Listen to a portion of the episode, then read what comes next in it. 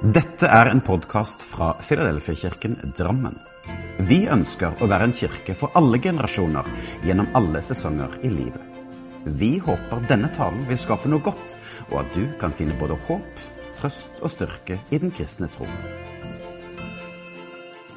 Les mer om vår kirke på filadelfiadrammen.no. Det å ha vondt i ryggen er ikke særlig godt. Og akkurat nå så kjenner jeg at jeg, har vondt i ryggen. Og det gjør at f.eks. jogging, som jeg er så glad i, er nå satt på vent. Og når du har vondt i ryggen, så blir ting ekstra vonde eller litt mer tungvinte. Ja, skal du ta opp noen eh, sokker eh, som ligger på gulvet, eller å ta på deg sokkene Ja, det, det gjør litt ekstra vondt. Og det er jo slik at når man har vondt i ulike deler av, av, kroppen, så påvirker det mer enn akkurat der man har vondt. Jeg har kalt denne preken for ryggsmerter. Og vi skal til Markus, og der møter Jesus en mann som ja, hadde noe annet enn ryggsmerter. Vi skal til Markus kapittel 10, og der leser vi. Da Jesus gikk bortover veien, kom en ung mann løpende etter dem. Han knelte ned foran Jesus og spurte ham, Gode mester, hva må jeg gjøre for å få det evige liv? Jesus, han spurte, Hvorfor kaller du meg god? Det er bare én som er god, og det er Gud. Du vet hva budene sier om å leve rett. Du skal ikke ha sex med andre enn den du er gift med. Du skal ikke drepe, du skal ikke stjele, du skal ikke lyve, du skal ikke bedra. Du skal respektere foreldrene dine. Mannen svarte. Mester, alle disse budene har jeg holdt helt siden jeg var ung. Jesus så på mannen med kjærlige øyne, for han elsket ham. Så sa han, du mangler én ting. Gå og selg alt det du eier, og gi det til de fattige. Da vil du få en skatt i himmelen. Så må du være villig til å betale prisen det koster å være en kristen og følge meg dit jeg går. Men disse ordene gjorde mannen trist, for han var veldig rik. Nedslått gikk han bort fra Jesus.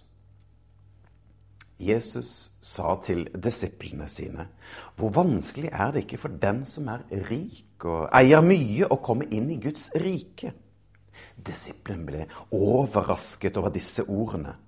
Da sa Jesus igjen, kjære venner, det er vanskelig for dem som stoler på sin rikdom, å komme inn i Guds rike. Ja, det er faktisk lettere for en kamel å gå inn gjennom et nåløye enn det er for en rik å komme inn i Guds rike. Jeg har altså kalt denne preken for ryggsmerter. Og denne fortellingen om den rike mannen og Jesus, den finner du både i Markus, i Matteus og i Lukas evangelium. I Matteus så omtales denne mannen for ung og rik. Og i Lukas så skriver han at denne mannen var medlem i det jødiske råd. Så dette med penger og dette med posisjon, ja, det var det minste problemet i hans liv. Eller kanskje var det nettopp dette som var hans store problem? At pengene hans, eller posisjonen hans, tok så stor plass i livet at det påvirket alt. Disiplene ja, de forsto nok humoren i det Jesus sier om dette med kamel og nåløye. Ja, Skulle vi brukt dagens språk, så kunne man kanskje heller sagt at det er lettere for en bil å komme gjennom et nøkkelhull enn det er for en nordmann som lever for og lever av rikdom for å komme inn i Guds rike.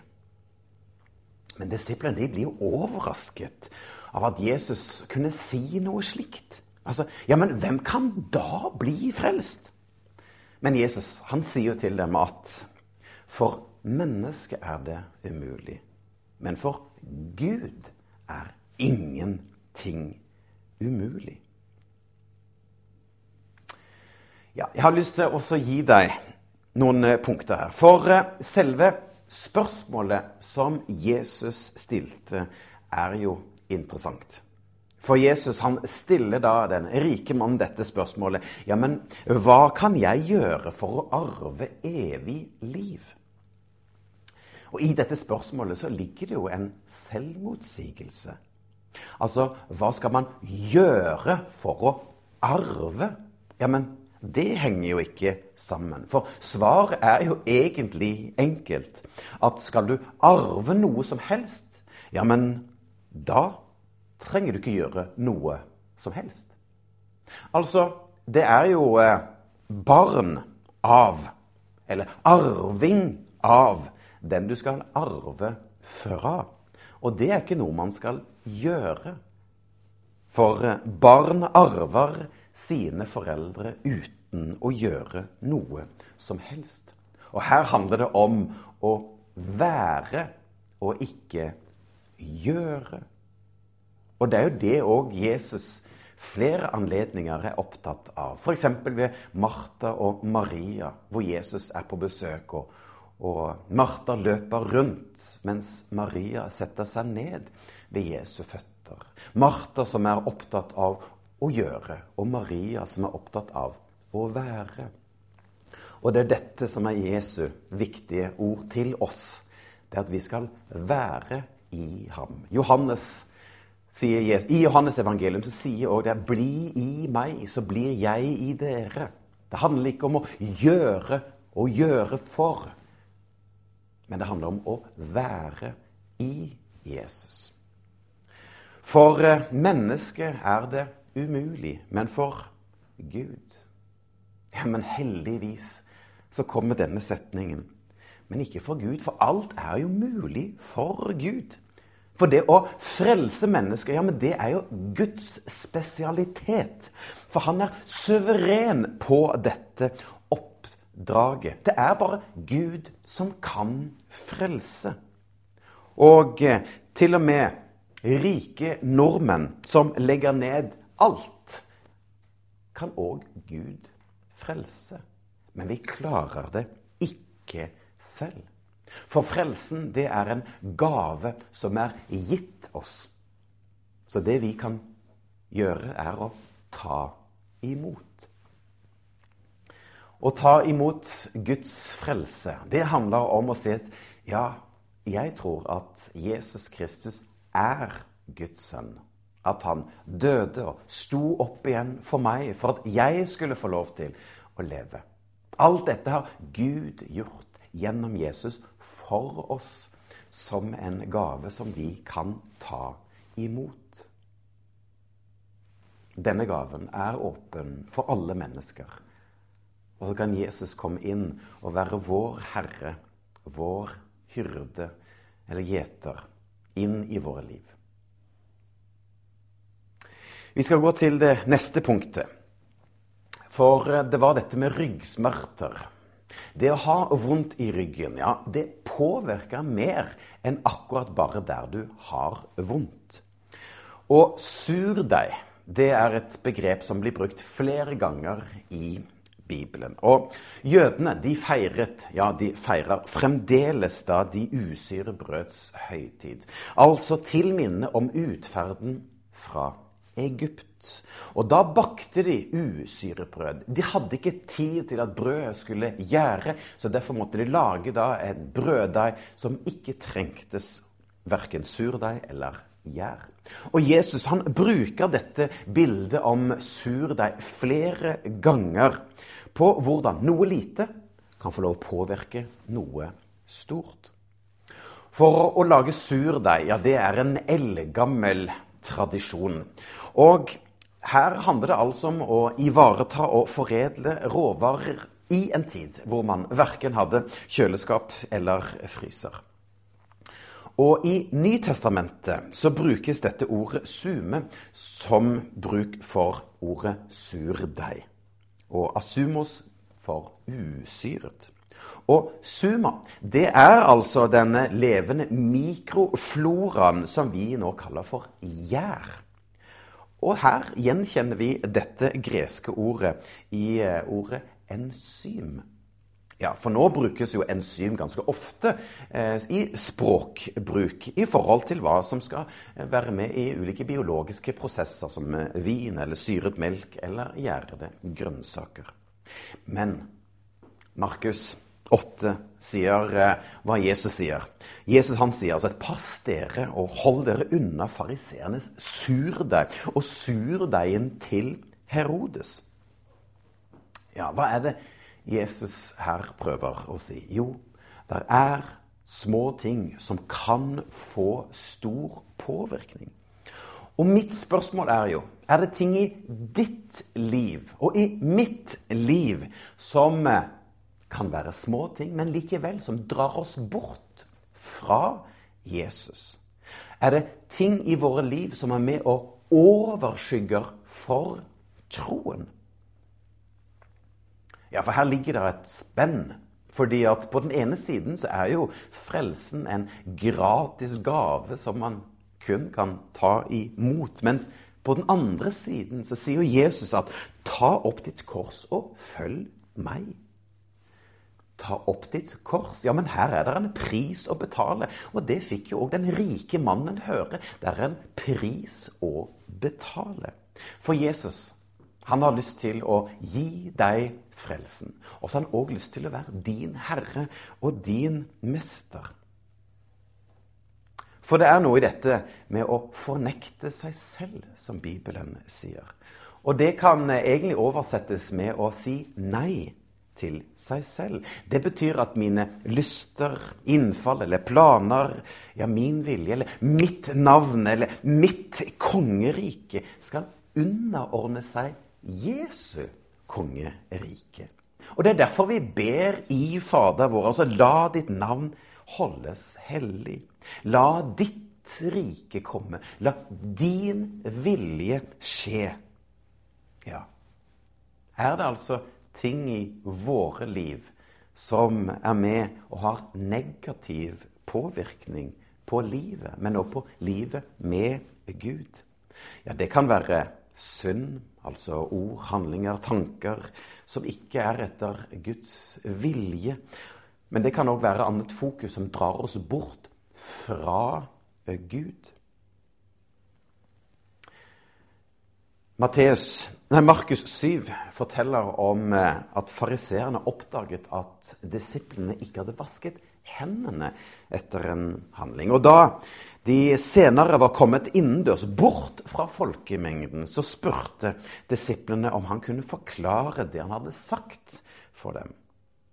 Han sa, 'Forstår dere heller ikke dette? Skjønner dere ikke at ingenting av det som kommer inn i et menneske, utenfra kan gjøre ham uren. For det et menneske spiser, kommer ikke inn i hjertet hans, men det går ned i magen og blir borte. Slik er det med Slik er all mat i seg selv ikke uren, men den gjør nytte for seg. Men det som kommer ut av et menneskets hjerte det er det som gjør mennesket urent. For fra hjertet kommer onde tanker. Enhver ond handling starter nemlig i tankene.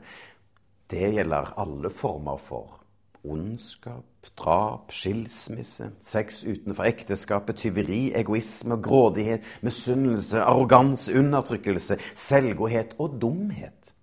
All denne ondskapen kommer fra menneskets indre og gjør mennesket urent. Alle former for ondskap, drap, skilsmisse, sex utenfor ekteskapet, tyveri, egoisme, grådighet, misunnelse, arroganse, undertrykkelse, selvgodhet og dumskap. All denne ondskapen kommer fra menneskets indre og gjør mennesket urent. For det er eh, ting i livet vårt som er usunt og kan ta for stor plass i våre liv. Ja, misunnelse eller sjalusi. Det kan være synd, det kan være avhengighet. Men det kan òg være usunne relasjoner. Det kan òg faktisk være at hobbyer eller jobb tar for stor plass i livet. For tilbake igjen til dette med ryggsmerter. For ryggsmerter kan bli altoppslukende. Noe som er lite, som er bare bak her, kan få lov til å påvirke et helt liv, en hel hverdag.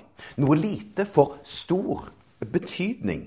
Fordi at det er noe med å velge å fokusere på andre ting i livet. Og Derfor syns jeg det er så fint når Salme 139 sier dette. Ransak mitt hjerte, Gud. Prøv meg, du som kjenner mine tanker. Se om jeg er på den onde vei til fortapelse, og led meg inn på evighetens vei. Denne rike mannen som vi leste om, trodde han gjorde alt det som krevdes av ham.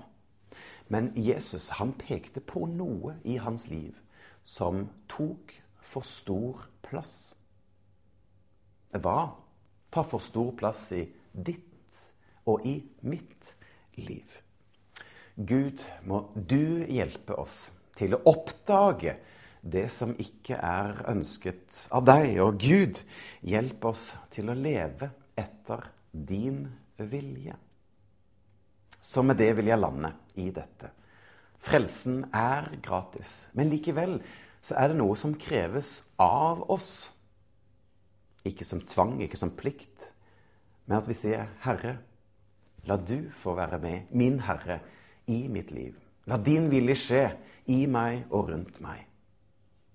La det være vår bønn i det som ligger foran. Så ta imot Herrens velsignelse.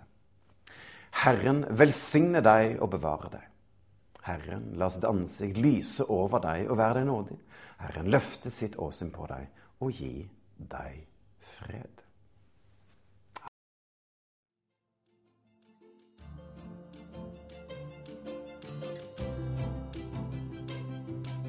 Som en avslutning på denne podkasten ønsker vi å lyse Herrens velsignelse over deg. Herren velsigne deg og bevare deg. Herren la sitt ansikt lyse over deg og være deg nådig. Herren løfte sitt åsyn på deg og gi deg fred.